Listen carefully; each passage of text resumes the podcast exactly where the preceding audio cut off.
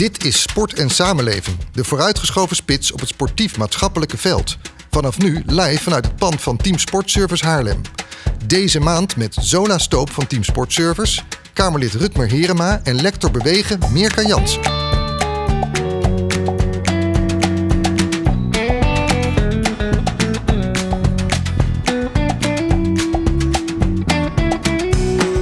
Welkom bij de Sport en Samenleving Podcast. Een maandelijkse podcast met uw host Leonard Boy, de gast van de maand en andere deskundigen voor je maandelijkse dosis inspiratie en wijsheid over beleid en praktijk in de sport. In deze podcast bespreken we de ontwikkelingen en uitdagingen van het sportbeleid in de lokale praktijk. Iedereen die in deze wereld van sport en samenleving actief is, van bestuurder, ambtenaar, buurtsportcoach tot vakleerkracht of trainer, willen we met mooie gasten inspireren en wijzer maken. Deze keer met Tweede Kamerlid en sportwoordvoerder voor de VVD Rutmer Herema en lector bewegen in en om de school aan de Hogeschool van Amsterdam Meerka Jansen. Hen horen we zo.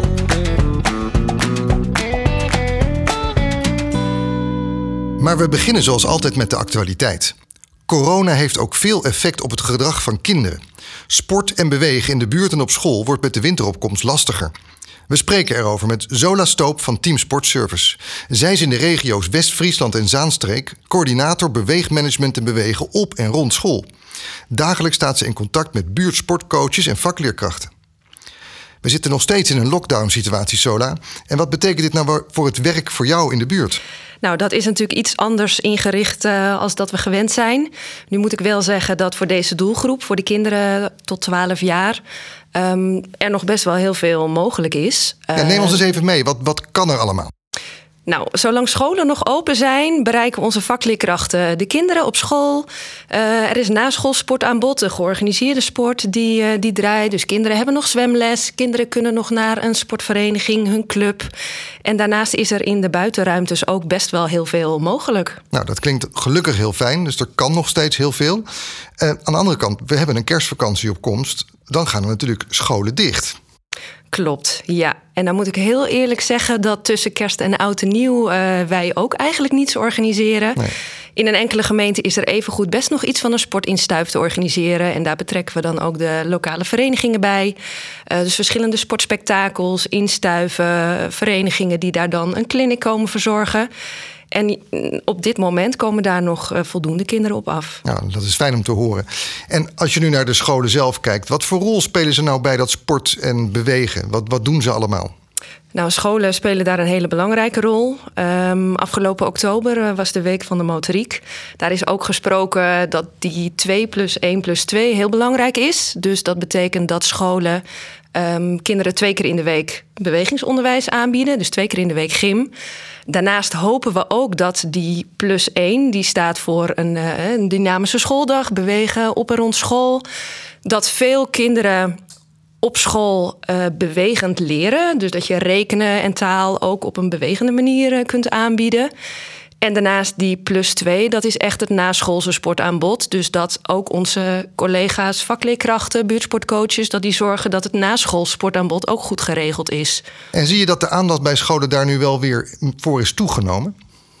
Niet direct. Ik denk dat een mooi voorbeeld is dat er uh, vanuit het ministerie zijn er allerlei inhaal- en ondersteuningsprogramma's gericht op uh, achterstanden die zijn opgelopen tijdens corona. Ja. En op dit moment worden die door scholen vaak ingezet voor RT, remedial teaching, op het gebied van rekenen of taal, extra handjes in de klas. Ja, wacht even. Dus als ik het je goed begrijp, is die ruimte wel geboden, maar wordt die door scholen eigenlijk nog niet opgepakt? Nee, nee. Scholen uh, nou, richten zich vooral uh, op de zaakvakken, terwijl ja. sport ook heel mooi als middel ingezet kan worden. We hebben nu een voorbeeld uh, in een van onze gemeentes. Zijn wij tot de zomervakantie straks aan de slag met een groep uh, nieuwkomers, anderstaligen. En daar gebruiken we sport als middel om de taal beter te leren, om nou, ze meer zelfvertrouwen te geven. Ja. ja. dat is ontzettend mooi. Dus ja. ik hoop hiermee dat meer scholen. En je geeft eigenlijk ook aan, het aanbod wordt door jullie wel bedacht. Dat is er. Klopt. Ja, het aanbod. Uh, ja, je ziet in deze tijd dat we toch ook allemaal heel creatief uh, gaan worden. Ja, ja, wat leuk om te horen. En hoe staat de georganiseerde sport hier nou in? Doen zij bijvoorbeeld ook toch iets in de wijk? Ja, verenigingen hebben het wel lastig, uh, financieel, maar ook uh, nou ja, om hun aanbod uh, aan te passen op de nieuwe situatie. Nou zijn er een heleboel verenigingen ook wel ontzettend creatief. Um, denk aan een badmintonbond. Die heeft uh, nou, de shuttle zoals we die nu kennen, die is niet geschikt voor buiten. Dus de badmintonbond die heeft dat doorontwikkeld. En er is een air shuttle ontwikkeld, een grotere, zwaardere shuttle. Ontstaan nieuwe sporten, dames en heren. Precies, ja. ja, ja dus ja, die, die zijn ontzettend creatief. En um, aan de andere kant lukt het ook, en vaak met de hulp van een buurtsportcoach, om toch ook andere aanbod te creëren of de samenwerking te zoeken met verschillende verenigingen. En om ook die sportparken, vooral buiten, beter te benutten. En jij coördineert natuurlijk dat soort dingen ook. Je hebt heel veel contact met buurtsportcoaches. Geven ze je nou ook terug dat het toch wel spannender en moeilijker is geworden door deze tijd in corona? Ja, er was in het begin, uh, nou, angst is misschien een groot woord. Um, we zijn natuurlijk allemaal doeners en we willen heel graag. En we zien vooral de kwetsbare kinderen, ja, die wil je toch blijven bereiken. Um, nou, ouders zijn op dit moment natuurlijk niet welkom. Dus kinderen worden afgezet. En ook voor ouders is dat spannend. Maar door toch de samenwerking te zoeken eh, met een jongerenwerker, met een, een wijkteam, ja, probeer je toch vooral ook die kwetsbare kinderen in ja. kaart te krijgen. Ja. Nou ja, ik noemde net al even kerst, maar ook daarna. Het wordt kouder, het moet allemaal wat meer binnen gebeuren. Hoe kijk je nou naar de komende wintermaanden? Nou ja, ik heb altijd uh, van huis uit meegekregen dat er eigenlijk geen slecht weer bestaat, maar wel slechte kleding. Dus ik denk dat er een heleboel. Ja, dat vind ik een prachtige uitspraak. Ja. uh, en tuurlijk, um, uh, als het echt heel erg slecht weer is, dan, ja, dan gaat dat niet. Dan moet je naar binnen.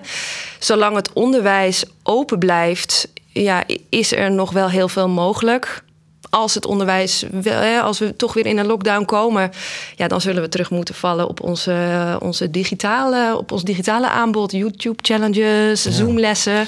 Maar eigenlijk hoor ik jou best wel positieve dingen zeggen. Er is eigenlijk ook door deze tijd veel, veel creativiteit ontstaan. Dus er is nieuw aanbod gemaakt. Uh, en je zegt, we moeten ons een beetje aanpassen, maar ook met dat wat slechtere weer of dat koudere weer, we redden dat wel. Daar ga ik wel vanuit. Ja. ja. En nou moet ik ook zeggen dat de sportakkoorden daar ook wel bij helpen. Heel veel gemeentes hebben op dit moment een lokaal sportakkoord uh, ondertekend. Ja, en de uitvoering daarvan die gaat uh, in heel veel gevallen direct in 2021 beginnen. Ja. Dus, dus dat geeft een soort extra start. duwtje. Dat geeft ja. een extra duwtje in de rug. Zeker.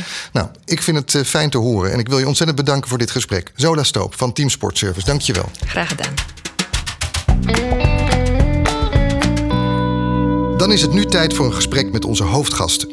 Tweede Kamerlid voor de VVD, Rutmer Herema... en lector bewegen in en om de school aan de HVA, Mirka Jansen. Welkom allebei. Kunnen jullie om te beginnen iets meer over jullie zelf vertellen? Waar kom je bijvoorbeeld vandaan? Eh, waar zit het passie in de sport? Mirka, mag ik met jou beginnen? Ja, zeker. Goedemorgen. Goedemorgen. um, nou, eigenlijk is het met de paplepel ingegoten. Uh, mijn oma heeft totdat ze 75 was uh, nog uh, bij de turnvereniging allerlei lessen gegeven aan kleuters en senioren. Mijn moeder is gymleraar geweest en uh, ik wilde echt heel graag ook gymleraar worden. Dus dat, uh, dat ben ik. En uh, ik hou ontzettend van mijn vak. Ik ben nu wat meer naar de onderzoekskant ge geschoven. Maar ik denk dat ik daar een goede bijdrage, kan leveren aan de kennisontwikkeling en de professionalisering van de vakleerkrachten. En ehm, ja, daar heb ik een eh, belangrijke missie, vind ik. Nou, dat is heel mooi om te horen. Dus je bent echt eerst naar de Academie voor Lichamelijke Opvoeding gegaan, de ALO. En van daaruit heb je ook eigenlijk gezegd: ik wil ook daar toch wat wetenschappelijker naar hoe zich dat vak ontwikkelt en wat je misschien daarmee ook weer voor jouw mededocenten kunt betekenen. Ja, ik was heel nieuwsgierig naar onderzoek en uh, daarom ben ik eerst bewegingswetenschappen gaan doen, maar later uh, ook meer de epidemiologische kant op gegaan. En uh, ik vind eigenlijk met name de kennis die we opdoen in wetenschap, maar vooral de uh, praktijkgericht onderzoek. Dus we werken heel nauw samen met de praktijk om vragen op te halen en dan ook onderzoek te doen naar wat voor hen belangrijk is. Um, ja, daar ben ik heel blij mee dat ik daar een belangrijke rol in kan spelen. En ben je dan zelf ook nog een fanatieke sporter? Ja, ik hou, nou, ik hou heel veel van bewegen. Dus uh, vroeger sportte ik meer, nu beweeg ik eigenlijk meer. Um, en uh, ja, nu doe ik bijvoorbeeld uh, hardlopen, racefietsen. ik hou van schaatsen. En ik doe ook wat krachttraining natuurlijk om wat fitter te blijven. Maar vooral in beweging met mijn eigen kinderen. Ik heb ja. drie jongens die heel dat, veel van bewegen houden. Dat houdt je in beweging. Zeker, ja. dat houdt je in beweging. En ze moeten ook allerlei bewegingsbaantjes, fietsparcours en van alles uitproberen. Dus okay ja, daar worden ze vaak aan onderworpen. Nou, fijn. Dat klinkt leuk. Ja, Um, ja Rutmer, heren, maar ook van jou de vraag. Uh, wat is jouw relatie met, met sport? Uh, ik heb de indruk dat jij ook die academie uh, voor lichamelijke opvoeding hebt gedaan. Ja, dat klopt. Mijn, mijn uh, route er naartoe was wel iets anders. Ik uh, uh, ben zwemmer geweest. Ik zat in het Nederlands team zwemmen. En dat vond ik ontzettend leuk. Een aantal jaren gedaan en vervolgens zwaar geblesseerd geraakt. school ging altijd heel erg goed. dus ik stond ingeschreven voor geneeskunde. Ik wilde heel graag dokter worden. En mijn beste vriendje die speelde bij AZ. En die vroeg, joh, kan jij me een keertje naar de ALO brengen? Want ik moet een testdag doen. Nou, dat was een testdag om te kijken of je goed genoeg bent in sport. om toegelaten te worden. Ik kende de ALO niet. Dus ik reed met hem mee. Ik had mijn rijbewijs, hij nog niet.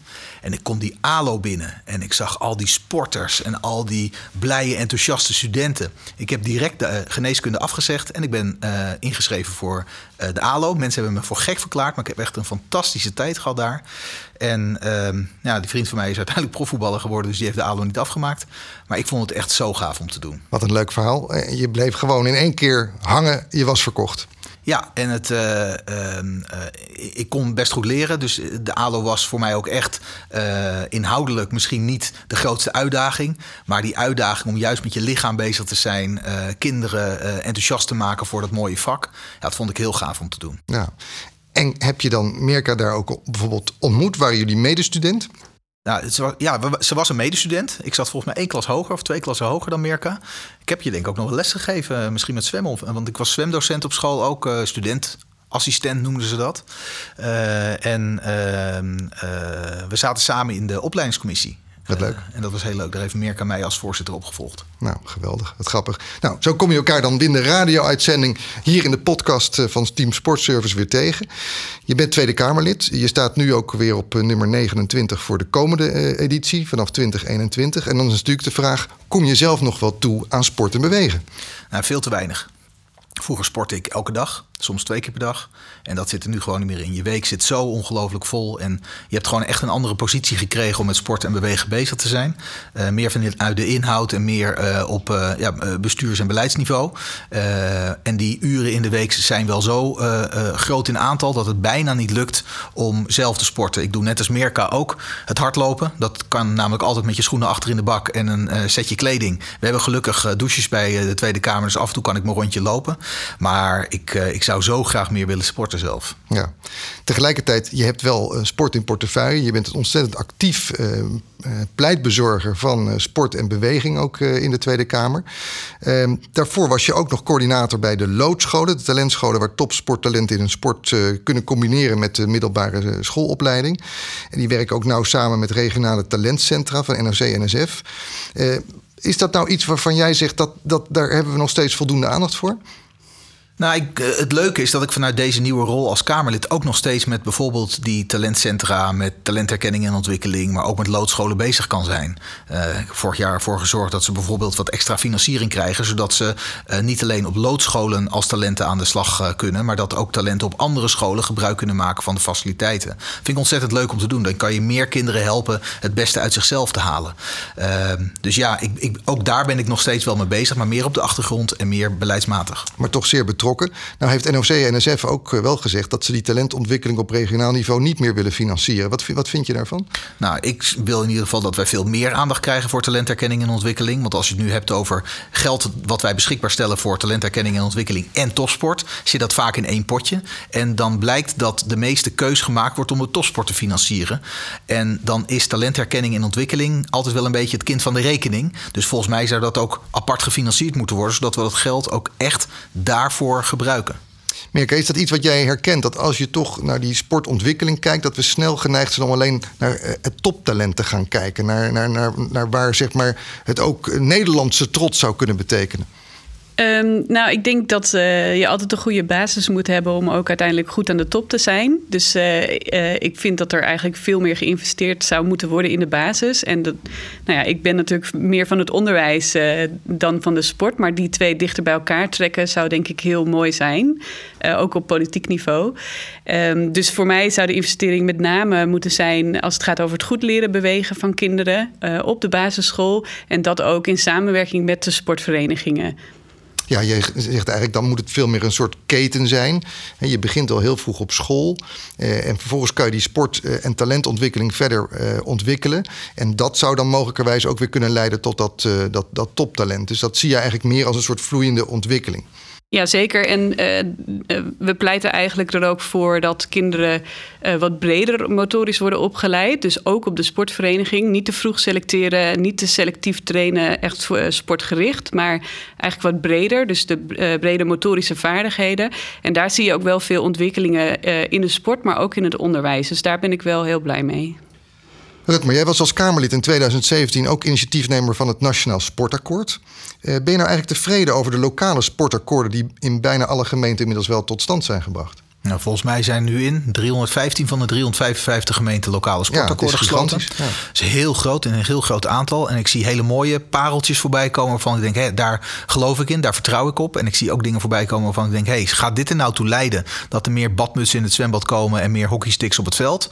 Uh, dus ik heb nog niet uh, gezien wat het daadwerkelijke effect is van al die lokale sportakkoorden. Want ze gaan vanaf 2021 allemaal gelden. Er, er, er komt een praktijk tot stand. Wat verwacht je? Wat hoop je? Nou, ik hoop natuurlijk dat de verknoping op, uh, op papier uiteindelijk leidt tot meer kinderen en meer mensen die gaan sporten op het veld, in het bad, in de zaal.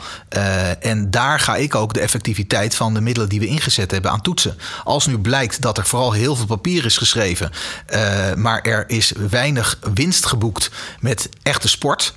mensen die meer zijn gaan bewegen, mensen die fitter zijn geworden, dan hebben we toch iets verkeerds gedaan. En waar zit dan jouw twijfel? Want je zegt, ja, het is toch papier, ik moet het in de praktijk zien. Waardoor denk jij, wat maakt het dat jij denkt, nou, moeten we het nog maar wel even afwachten? Nou, omdat ik uh, bij alle akkoorden die ik toegestuurd heb gekregen. En dat zijn er een heleboel. Want uh, het leuke is van al die lokale sportakkoorden. Dat mensen zeggen: hé, hey, ik heb iets moois gemaakt, geschreven. Ik vind het leuk als uh, meneer Herema dat leest. Dan sturen ze het naar me toe. En dan lees ik dat. Dat vind ik heel erg mooi om te lezen. Alleen ik zie dus niet dat de sportdeelname groter is geworden. Nou, we hebben natuurlijk een gek jaar dit jaar. Uh, ik zie niet dat wethouders zeggen: Nou, we hebben nu een lokaal sportakkoord. Het staat nu bij mij lokaal ook hoger op de agenda. Dus ik heb het effect nog niet gezien van datgene wat er op papier staat. Je voelt de urgentie misschien nog niet helemaal. Dat, dat is wat ik jou hoor zeggen. Nou, we zijn natuurlijk ook afhankelijk van de motivatie van lokale bestuurders. Ja. Of het wel of niet opgepakt wordt. Ja. Nou, zei jij net al even, Mirka, dat, dat het voor jou ook heel belangrijk is dat die motorische vaardigheden van kinderen goed ontwikkeld worden. Nou, dat is nou juist ook een van de aandachtspunten in die sportakkoorden. Ook om het plezier in sport te vergroten. Eh, zie jij wel terug al dat dat inderdaad effect heeft? Dat zo'n sportakkoord op lokaal niveau wel meer letterlijk en figuurlijk in beweging zet? Ja, ik ben heel blij met de sportakkoorden. Juist omdat het de mogelijkheid geeft om op lokaal niveau uh, met elkaar aan de slag te gaan. Uh, ik ben betrokken bij uh, Amsterdam, Zaanstad en Wormerland. En daar zie ik een aantal mooie elementen in de sportakkoorden. En ik, denk ook dat dat wel echt daadwerkelijk effect gaat hebben op de motorische vaardigheden van kinderen. Met name omdat er echt ingezet werd op het samenwerken tussen verschillende professionals. Dus de gymleraren op school, de sportvereniging, de fysiotherapeut, de jeugdartsen. Die slaan de handen in, in elkaar en die gaan met elkaar aan de slag om uh, goed te kijken van kan ieder kind meedoen? Welk kind doet niet mee? Wat moeten we dan voor die kinderen organiseren? En uh, daar ben ik heel blij mee dat we daar echt mee aan de slag kunnen. En tegelijkertijd uh, snap je ook Rutmer zijn, zijn terughoudendheid om te zeggen: nou, eerst zien, dan geloven? Uh, ja, dat snap ik van Rutmer. Maar uh, ik denk dat dit ook uh, tijd vraagt om dat goed op te bouwen. mensen werken nu vooral vanuit hun eigen beroepsgroep met, op, op hun eigen plek. En het vraagt ook tijd om elkaar te leren kennen. te weten wat de expertise is van de ander. Hoe je elkaar kan aanvullen. Hoe je elkaar weet te vinden. En daar worden nu de eerste stappen in gemaakt. Dus ik denk dat we het even de tijd moeten geven dat dat kan opbouwen. Maar ik zie ook dat de gemeentes daarin goed ondersteunen. En dat er heel veel wil is bij de verschillende professionals. Die vinden het echt heel fijn ook om met een ander uh, samen te werken en echt samen te kijken naar een kind. Wat heeft dat kind nou nodig? En dat, dat versterkt jezelf natuurlijk ook als professional. Dat je dat kan delen met een ander. En dat je ook bevraagd wordt op je eigen expertise daarin.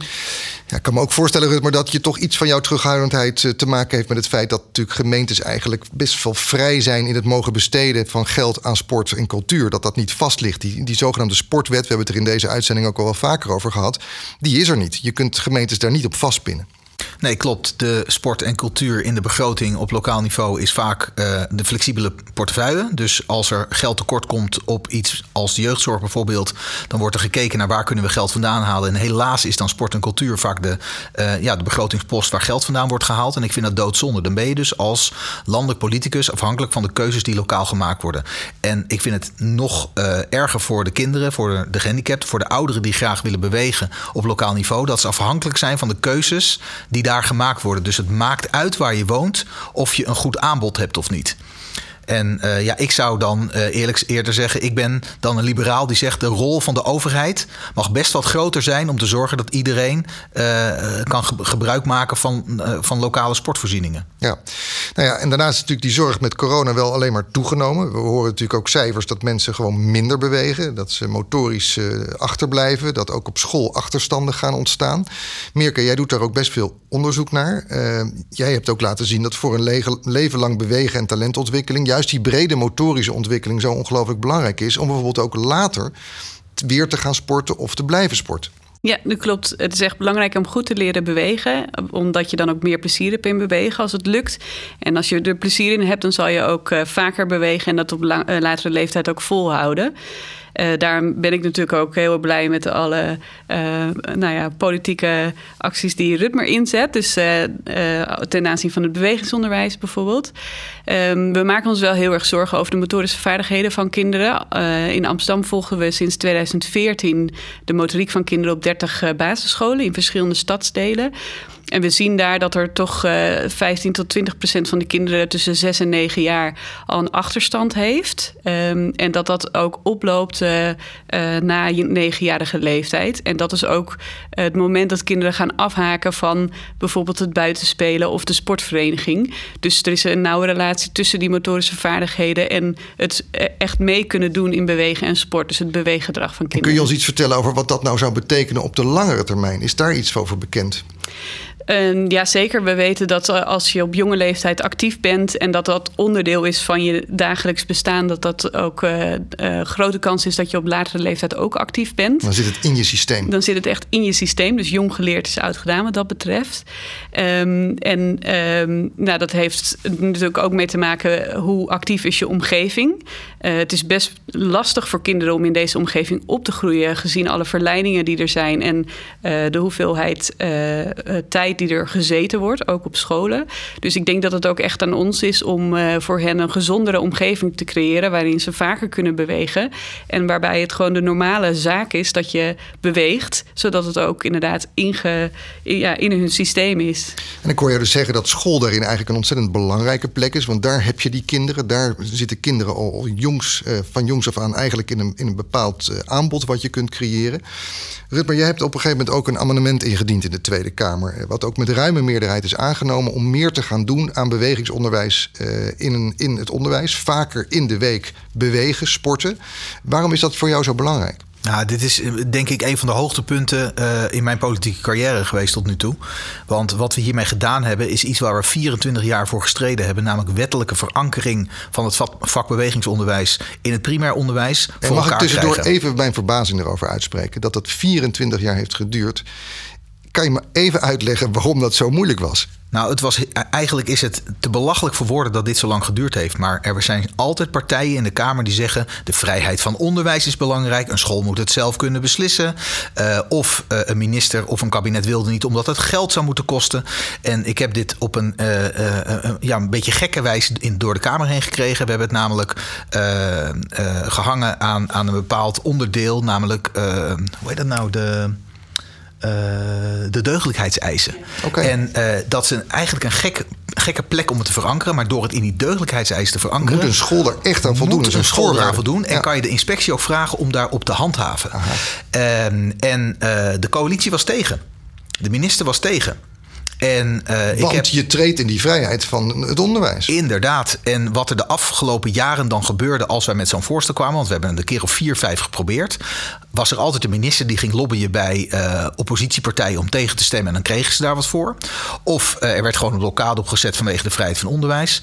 En dit was een onderwerp waarbij ik zei... jongens, ik probeer het weer. Hè? Maar ik had ondertussen een bondje gesmeed met de SP... die mede indiende. Maar ook de Partij voor de Dieren, de Partij van de Arbeid, GroenLinks... 50 plus Dus een hele denk, een hele bonte verzameling van partijen waarmee we de meerderheid haalden. Waarbij de, waardoor de coalitie dus niet van tevoren door had dat wij een meerderheid hadden. Dus toen al die handjes de lucht in gingen, dat was in februari, was het eigenlijk de verbazing bij D66, bij het CDA en de ChristenUnie van hè, hij is er doorheen dat was echt fantastisch om te zien, want toen uh, was het wettelijk verankerd. En toch is het natuurlijk raar dat je dit soort van U-bochtjes nodig hebt om zoiets in mijn optiek vanzelfsprekends, namelijk bewegingonderwijs vastleggen in het onderwijs, op die manier voor elkaar te moeten boksen. Oh ja, maar dat is mijn werk, dat is politiek. En uh, dat maakt het aan de andere kant ook wel weer mooi dat je uh, soms met een slimmigheid iets kan doen waar je anders door het politieke spelletje van andere partijen niet toekomt. Goed, het is dus nu een deugdelijkheidseis. Scholen moeten eraan gaan voldoen.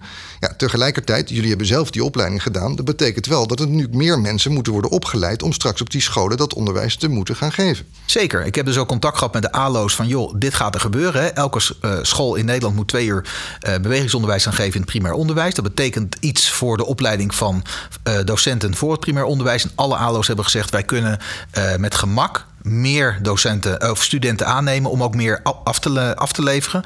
Het probleem op dit moment is dat je ook nog steeds geen vakdocent nodig hebt om het vak te geven. Mhm. Dus dat is de volgende stap die we moeten maken. Eerst die wettelijke verankering en daarna de vakdocenten. En vervolgens kunnen we weer gaan draaien aan de knop om van twee naar drie uur bijvoorbeeld te gaan. Want Mirka, waarom zijn vakdocenten dan daarmee zo cruciaal? Want jij bestudeert natuurlijk ook die onderwijskant en je probeert ook jouw kennis weer terug te leggen in dat onderwijs. Waarom is dan juist het zijn van vakleerkracht cruciaal?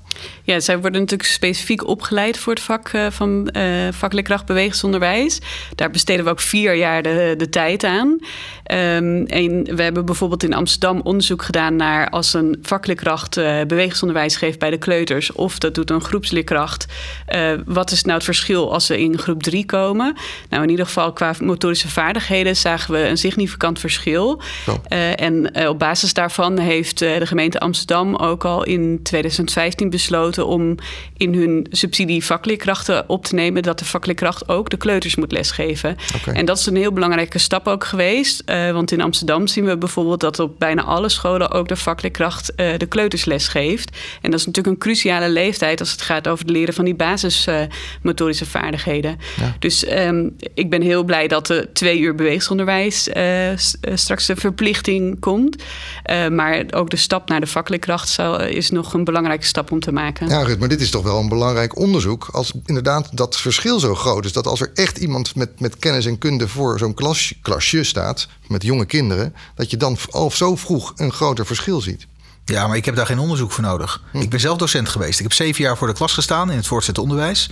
En ik heb heel veel eerste klassers ook lesgegeven. Je kon gewoon aan het bewegen van zo'n eerste klasse zien of hij of zij in het basisonderwijs van een vakleerkracht les had gekregen. Soms kon ik aan een kind zien van welke school die afkwam. Op de wijze waarop een salto of een koprol gemaakt werd. Uh, dat, dat is gewoon niet goed. Dat verschil in uh, klas 1 op het voortgezet onderwijs is zo ontzettend groot dat haal je gewoon niet meer in in die jaren op het voortgezet onderwijs. Dus die verankering in het basisonderwijs is heel belangrijk. Die vakdocent is heel belangrijk. Het uitbreiden van het aantal uren is vervolgens belangrijk. En, sterker nog, op dit moment ligt het zwaartepunt van bewegingsonderwijs in het voortgezet onderwijs. En dat moeten we echt gaan verschuiven naar het primair onderwijs. Ja, want we hoorden eigenlijk ook al Zola vertellen over hoe belangrijk het juist in dat basisonderwijs is. Ook vaak in verbinding met de wijk en de buurt, waar buurtsportcoaches natuurlijk ook een belangrijke rol bij spelen. Het is eigenlijk een heel netwerk, zou je moeten moeten zeggen van de juiste kennis en de juiste leerkrachten, de juiste adviseurs om dat hele ja, bewegen van jongs af aan te promoten. Klopt. En uh, buurtsportcoaches werken heel verschillend. Hè? Ook daar hebben we niet een kader voor. Dus mhm. een buurtsportcoach in de ene gemeente doet het heel anders dan in de andere gemeente. Wat ik belangrijk vind, is dat een school zich positioneert als uh, middelpunt in de lokale samenleving. Veel meer verbinding zoekt. Niet alleen op sport, hè, maar ook kunst, cultuur, muziek, dans, theater. En ook sport. Want er zijn heel veel sportverenigingen die met heel veel liefde en plezier samen willen werken met scholen. Mirka, zie jij in Amsterdam in jouw onderzoekspraktijk scholen dat gedrag al ontwikkelen? Dat ze inderdaad zeggen, wij voelen die verantwoordelijkheid om juist in verbinding met die buurt te, te staan, om, om meer op te pakken. Zie je dat gebeuren? Jazeker, en niet alleen in Amsterdam, ook in andere gemeentes. Ook in de sportakkoorden wordt daar al uh, op ingezet. En we leiden daar ook uh, voor op bij de ALO. Voor, tot een goede gymleraar die uh, goede gymlessen kan geven. Maar ook een gymleraar die in verbinding staat met andere professionals in de school. Zoals de groepsleerkracht en de IB'er. en met mensen buiten de school, zoals de buurtsportscoach en de sportverenigingen. En juist die verbinding die is heel erg belangrijk om die gezondere omgeving voor kinderen te creëren. En de gymleraar kan daar gewoon een belangrijke rol in spelen. Vanuit de kennis en expertise die hij heeft. Uh, en daarbij ook andere mensen ondersteunen. Bijvoorbeeld om uh, nou, toch te zorgen dat er meer beweegmomenten zijn uh, tijdens de schooldag. of dat er kinderen daadwerkelijk bij de sportvereniging terechtkomen. Of op een andere manier na school sporten. de gymleraar die ziet de kinderen twee keer in de week. Die heeft een goede relatie met de kinderen. Die weet wat ze nodig hebben. En ook als het misgaat, als kinderen zich niet voldoende ontwikkelen, is hij degene die ervoor zou moeten zorgen om andere professionals in te schakelen. Ja. En um, nou, een van de dingen waar we mee aan de slag zijn, is de ondersteuningsroute bewegen en motoriek. En dat is uh, zo'n uh, keten van professionals uh, waarin ze ook met elkaar samenwerken om te kijken welk aanbod is er nou voor welk kind nodig en wanneer moeten we ook extra zorg inschakelen. Ja, Rut, maar ik kan me ook voorstellen dat je met collega's vanuit de zorg in de Kamer optrekt, omdat juist de kant van preventie, hè, het op tijd voor zijn van allerlei problemen, ook geld kan besparen.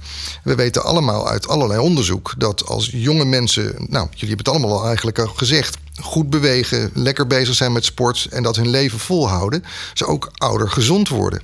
Ik kan me dus voorstellen dat als je hier bijvoorbeeld ook geld voor wil reserveren om bijvoorbeeld die sportleerkrachten te financieren, dat je kijkt naar eh, verzekeraars, eh, dat je kijkt naar, eh, naar, naar, naar, naar potjes met, met geld vanuit de zorg.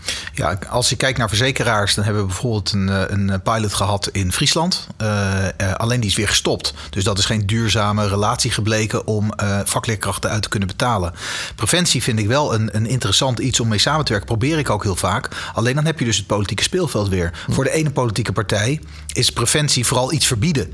Dus zorgen dat er niet gerookt mag worden, niet gedronken mag worden, dat soort zaken. Voor de andere partij, waar ik dan bijvoorbeeld bij zit, die zegt nou zorg ervoor dat goed gezond gedrag eh, preventie is. Meer bewegen, gezonde keuzes maken, et cetera. Dus daar verschillen wij in de politiek hoe je tegen preventie aankijkt. Maar de link leggen op zoveel mogelijk plekken tussen sport, bewegen en preventie is iets wat, uh, waar we nog veel meer winst kunnen halen. Zie je daar ook voorbeelden van? Dat je bijvoorbeeld toch verzekeraars kan aanspreken op het idee om mee te financieren eh, in het zo goed mogelijk en vroeg mogelijk bereiken van jongeren? Ik denk dat we de komende tijd echt op preventie moeten inzetten. Want we zien natuurlijk ook uh, op allerlei vlakken dat, het, nou, dat er steeds meer zorg nodig is aan de achterkant. Ik denk dat we aan de voorkant heel veel kunnen doen. Um, en daarom werken we bijvoorbeeld ook op onderzoeksgebied interdisciplinair samen. Uh, enerzijds met de zorgkant, maar juist ook om aan de voorkant al mensen mee te geven hoe belangrijk het is om gezond gedrag te vertonen, om het zo te zeggen. Um, en ja, voor kinderen betekent het dat wij voor hen een uh, gezonde omgeving moeten creëren. En dat is enerzijds op beleidsterreinen, maar anderzijds ook in de fysieke omgeving. En zeker als het gaat ook welke rol hebben we volwassenen daarin die kinderen daarin kunnen ondersteunen. Ja. En dat samenspel is heel belangrijk de komende tijd. Waarbij we ook nog rekening houden met verschillen tussen kinderen. Uh, want het ene kind houdt van nature al heel erg van bewegen en het andere kind niet. En dat vraagt echt een andere aanpak. Als ik je zo beluister, klinkt het allemaal heel logisch. Maar mensen moeten natuurlijk wel ongeveer met elkaar dezelfde richting op bewegen. En dat is natuurlijk niet altijd even makkelijk. Ja, en zeker als het over preventie gaat, dan is het een soort lange termijn doel. Hè? Dus dan, uh, ja, wanneer zie je de effecten ervan? Um, dus dat is echt een keuze die gemaakt moet worden. Ik denk dat de politiek daar ook echt een belangrijke rol in en kan spelen. Dat je het ook volhoudt. Hè? Dat, dat het inderdaad niet bij een pilotje blijft of weer een kortademig projectje. Maar dat je zegt, nee, dit is voor de lange termijn. Ja, ja en daarom is het dus ook zo belangrijk dat uh, uh, beleid en praktijk samenwerken. Maar dat er ook bijvoorbeeld gebruik wordt gemaakt van onderzoek dat we doen. En die samenwerking zie ik steeds meer komen tussen de gemeentes, uh, de uh, scholen en bijvoorbeeld wij als opleidingsinstituut met ook een lectoraat. Ja, die samenwerking met daarin een gezamenlijke missie, die is daarin heel belangrijk. Want we kunnen elkaar gewoon versterken door gebruik te maken van data. Weten wij bijvoorbeeld in welke stadstelen er extra aanbod nodig is voor kinderen. En weet de gymleraar ehm, voor welk kind moet ik extra aanbod verzorgen en voor welk kind moet ik samenwerken met een andere professional.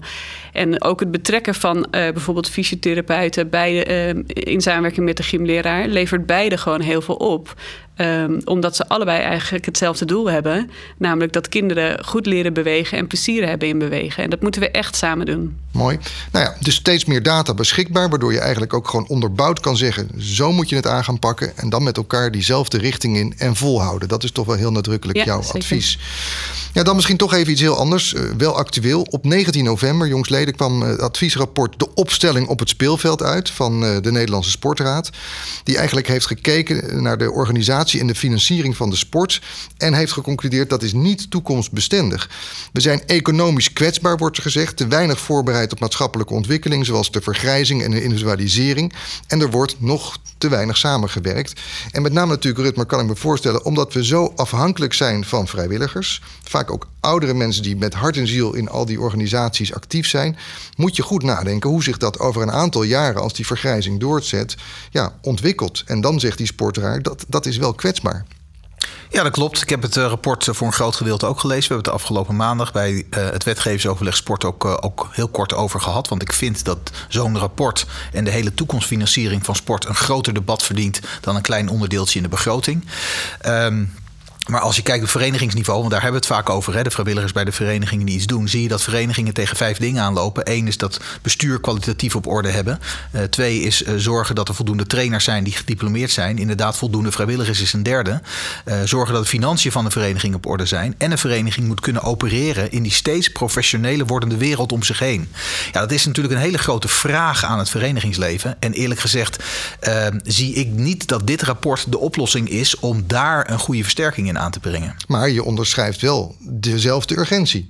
Ik onderschrijf al veel langer diezelfde urgentie, want dit is een verhaal wat ik al jarenlang uh, vertel. Wij moeten iets met die sportwereld, omdat het op dit moment sowieso niet toekomstbestendig is.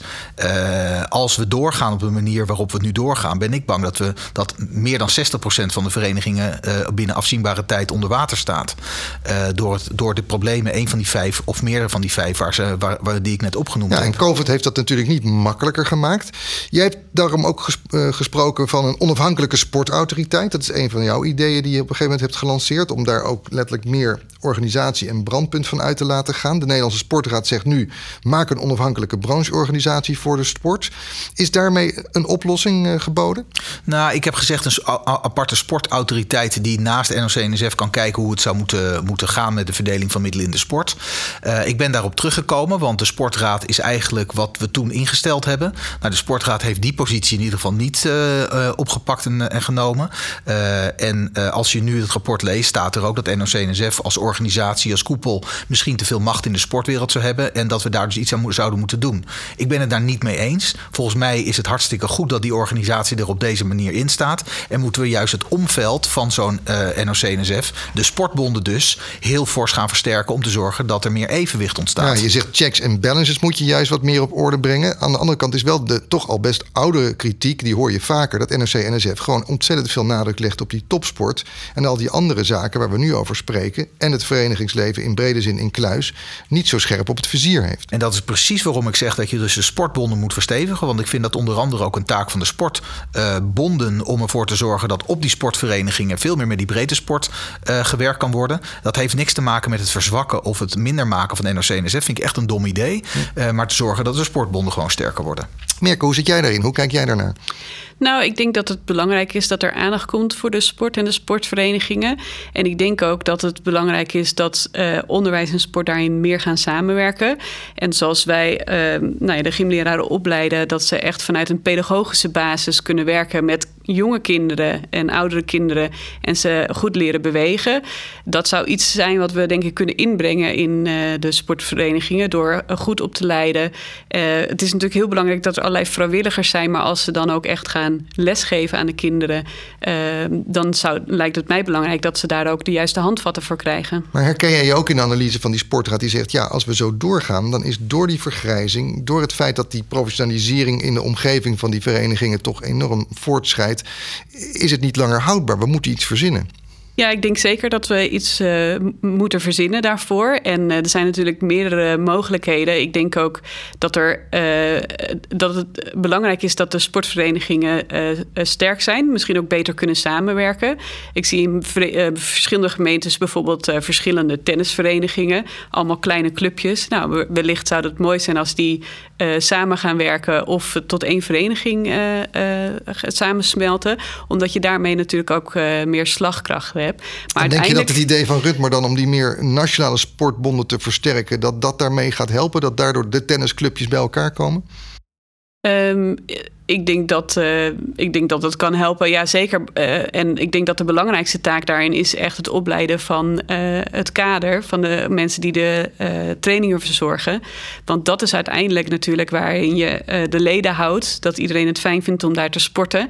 Dus dat moet ook een, een, prettige pedagogische omgeving zijn waarin kinderen leren bewegen. En als je dat voor elkaar krijgt vanuit de grote bonden naar de verenigingen toe, dan lijkt me dat een goed idee. We hebben het in deze uitzending ook best wel vaak gehad over wat er zich buiten buiten al die verenigingen zich afspeelt. Hè. Die enorme ontwikkeling van individuele sportbehoeften.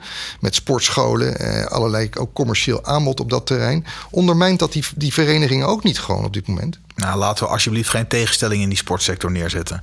Uh, het is hartstikke goed dat er een enorm aanbod is voor mensen die op hun eigen moment, in hun eigen tijd. Ja, en ik eh, bedoel dit niet zozeer als negatief. Ik bedoel, ondermijn is misschien het verkeerde woord. Maar dat heeft zo'n enorme vlucht genomen. dat je je überhaupt de vraag moet stellen. of je daar als vereniging eigenlijk niet gewoon een beetje de boot hebt gemist. met het creëren van nieuw aanbod bijvoorbeeld. Nee, de vereniging heeft, vind ik, gewoon echt een andere positie in ons sportveld. Uh, in onze sportsector dan de commerciële aanbieders.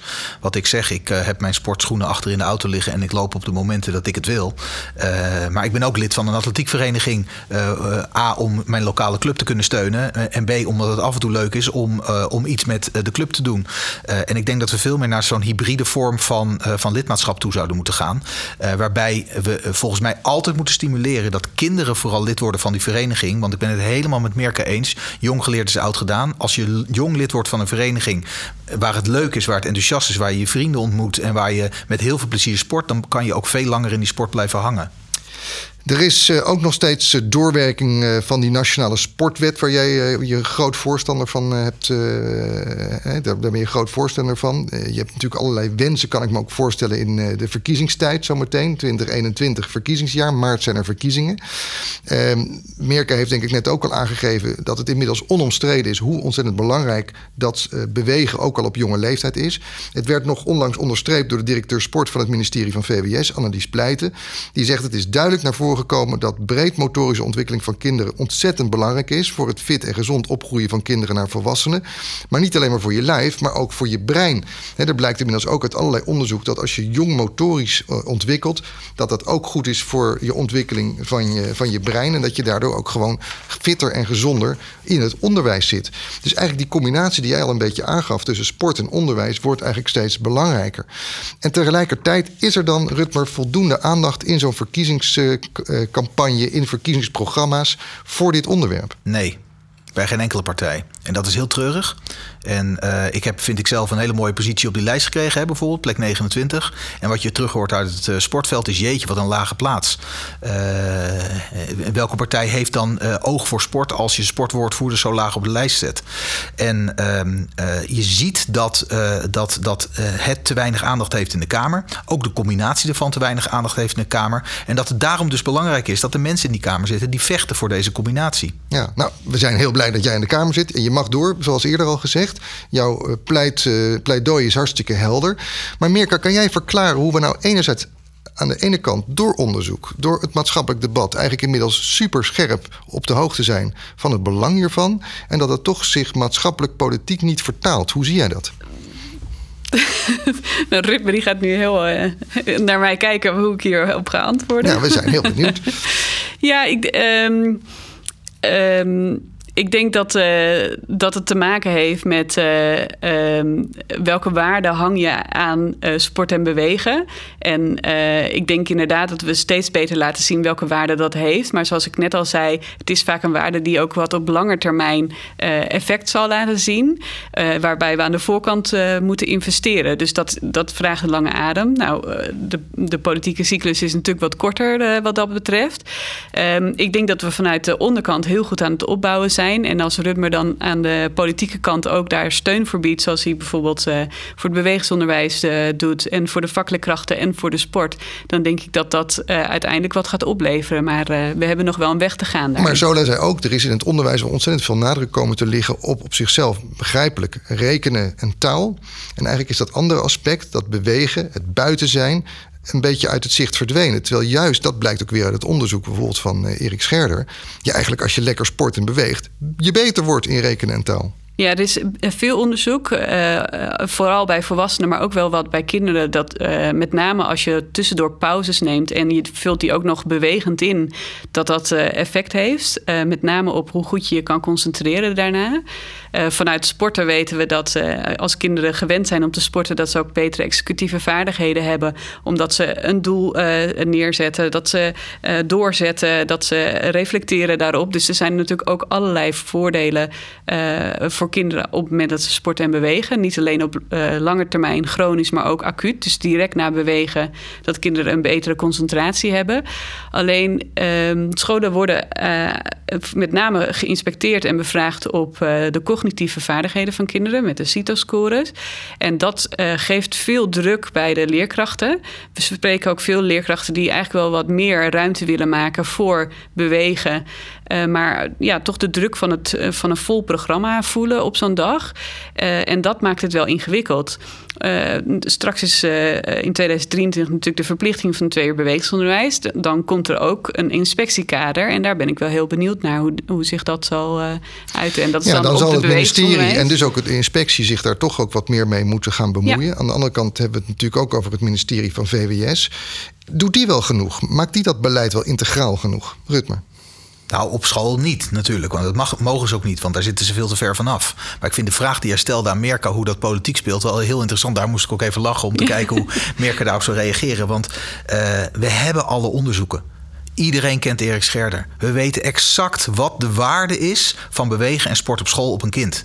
En toch lukt het politiek niet om dit hoger op de agenda te krijgen. Omdat er andere afwegingen met betrekking tot artikel 23, met betrekking tot uh, uh, andere keuzes die scholen kunnen maken. Uh, aan ten grondslag liggen. Dus we hebben niet meer informatie nodig. We hebben andere politieke samenstellingen nodig om dit voor elkaar te krijgen. En dat vind ik dus de hele interessante om in die politiek te zitten. Hoe kan je nou zorgen dat je, ondanks alle weerstand, maar met alle informatie die we hebben, toch tot resultaat kan komen. Ik geloof dan altijd toch een beetje in omweg als methode. Hè? In dit geval is het letterlijk wat Erik Scherder ook zegt: organiseer de zuurstof met het bewegen, met het uh, lekker bezig zijn. En dan gaat dat rekenen en die taal automatisch beter. Dus een doel wat je op zichzelf met elkaar zou willen bereiken, met die omweg van sport en bewegen, komt dat gewoon dichterbij. Het is eigenlijk, om het met Erik te zeggen, een no-brainer. Helemaal eens. Maar Erik ken ik ook goed. We treden ook wel eens samen op uh, op uh, congressen. Dan doe ik de politieke kant en hij uh, de fantastische inhoudkant. Nou, een half uur naar hem luisteren en je, je bent om. En ik gebruik dat ook wel eens in de politiek. Uh, ook wel eens gevraagd voor ronde tafels bijvoorbeeld. Om mijn collega's te overtuigen van het belang van, van bewegen in, uh, nou, niet alleen het onderwijs, maar eigenlijk altijd. Uh, dus je bent heel snel een believer als je Erik hebt gehoord. Maar je moet Erik wel luisteren. Je moet naar hem luisteren. En lang niet iedereen heeft dat gedaan. Maar goed, maart verkiezingen. Daarna wordt er natuurlijk weer een nieuw kabinet gevormd. Het moment om dit soort dingen erin te fietsen, zou ik me zo kunnen voorstellen. Wat is je strategie? Nou, kijk, er is maar één moment in de vier jaar dat je het kan regelen. Daar ben ik echt van overtuigd. En dat is aan die onderhandelingstafel. Dan worden de muntjes verdeeld en dan wordt de inhoud verdeeld. Uh, dus ik hoop dat ik zelf aan die, onderhandelingstafel mag zitten. Zowel op het gebied van onderwijs als op het gebied van sport. De vorige keer mocht ik namelijk alleen het regeerakkoord sport schrijven. Heb ik niet aan de onderhandelingstafel van onderwijs gezeten. Als ik dat de volgende keer wel kan zijn, dan kan ik ook echt zelf proberen om dit om die verbinding te leggen. Ja. ja. En dat kan ik me voorstellen, dat moet dan toch ook een beetje gebeuren vanuit de maatschappij. Die moet ook juist op het moment dat zo'n uh, regeerakkoord geschreven wordt, weer eventjes in de pen klimmen en zichtbaar maken. Dames en heren, let hierop. Wordt ja. daar voldoende op gestuurd? Nou, ik denk dat we dat beter kunnen doen hoor. Uh, uh, we, hebben nu een uh, lectorenplatform Sport en Bewegen. van eigenlijk de lectoren die zich bezighouden met sport en bewegen. Ik denk dat, dat wij daar ook een, een nou, wat luider geluid kunnen laten horen. Um, uh, als ik kijk naar de, uh, de, bijvoorbeeld de politiek in het buitenland. In Denemarken hebben ze in 2014 ervoor gekozen om uh, wettelijk ook te verplichten dat elke school 45 minuten bewegen moet verzorgen naast de gymlessen. En daar zie je dat het een verplichting is en hebben we ook op verschillende scholen gekeken. maar dan zie je nog steeds dat het in de praktijk heel verschillend uit kan pakken. Dus het vraagt enerzijds dan de politieke druk daarop, maar anderzijds natuurlijk ook dat we bouwen aan professionals die dat echt kunnen vormgeven op een manier zodat het ook uh, geborgd wordt in die schoolorganisatie. Dus ik denk dat het belangrijk is dat uh, nou, politiek en uh, de samenleving, als het gaat over opleidingen, maar ook over onderzoek en de gemeentes, dat die samen optrekken daarin. Want het ja, moet en je hebt natuurlijk toch ook iets van een coördinatiepunt nodig, een soort re regisseur, op die sportautoriteit waar we het al even over hadden. Is de Nederlandse Sportraad dan toch niet een beetje de bewaker van het sportakkoord en, en regisseur op dit gebied? Nou, zo zie ik dat niet. Maar je snijdt wel iets heel belangrijks aan. Namelijk, welke rol heeft de maatschappij in aanloop naar een regeerakkoord om duidelijk te maken wat er moet gebeuren? En als één ding de afgelopen maanden ook heel duidelijk is geworden, is dat juist die sportwereld een bepaalde politieke bescheidenheid kent, waardoor ze in de afwachtende houding staan van wanneer zijn wij aan de beurt om ook geholpen te worden. De sport is heel erg gewend om zelf de mouwen op te stropen en problemen zelf aan te pakken, in plaats van te zeggen: hey, help mij eens een keer. Dat is, dat is waarom ik zo trots ben op die sector. Want dat vind ik mooi aan die sector. Dat is ook anders dan bijvoorbeeld cultuur of andere sectoren. Uh, maar dat helpt ze niet om uh, iets wat belangrijk is hoger op de agenda te krijgen. Ja, dus iets meer zelfbewustzijn, iets meer met de vuist op tafel slaan en toch ook die politiek bevragen uh, en op tijd je vinger opsteken. Ja, dat lijkt mij heel verstandig. En uh, vooral in een vroegtijdig stadium. Dus niet uh, één dag na de verkiezingen zeggen: Oh, we moeten nog een briefje sturen als uh, input voor het regeerakkoord. Maar begin nu al met die lobby om ervoor te zorgen dat mensen het nu al op het netvlies krijgen. Nou, Merka is er al druk mee bezig met dat lectorenberaad. Jullie kijken ook naar argumenten uit het buitenland. is er inderdaad dan nu een voldoende lobby op te wagen? Nou, ik voel me zeer uitgenodigd door Rutmer om dat de komende tijd te gaan doen. Dus uh, nou, actie, denk ik. En dat past weer goed bij sporters natuurlijk. In beweging, ook om de politiek uh, om te krijgen.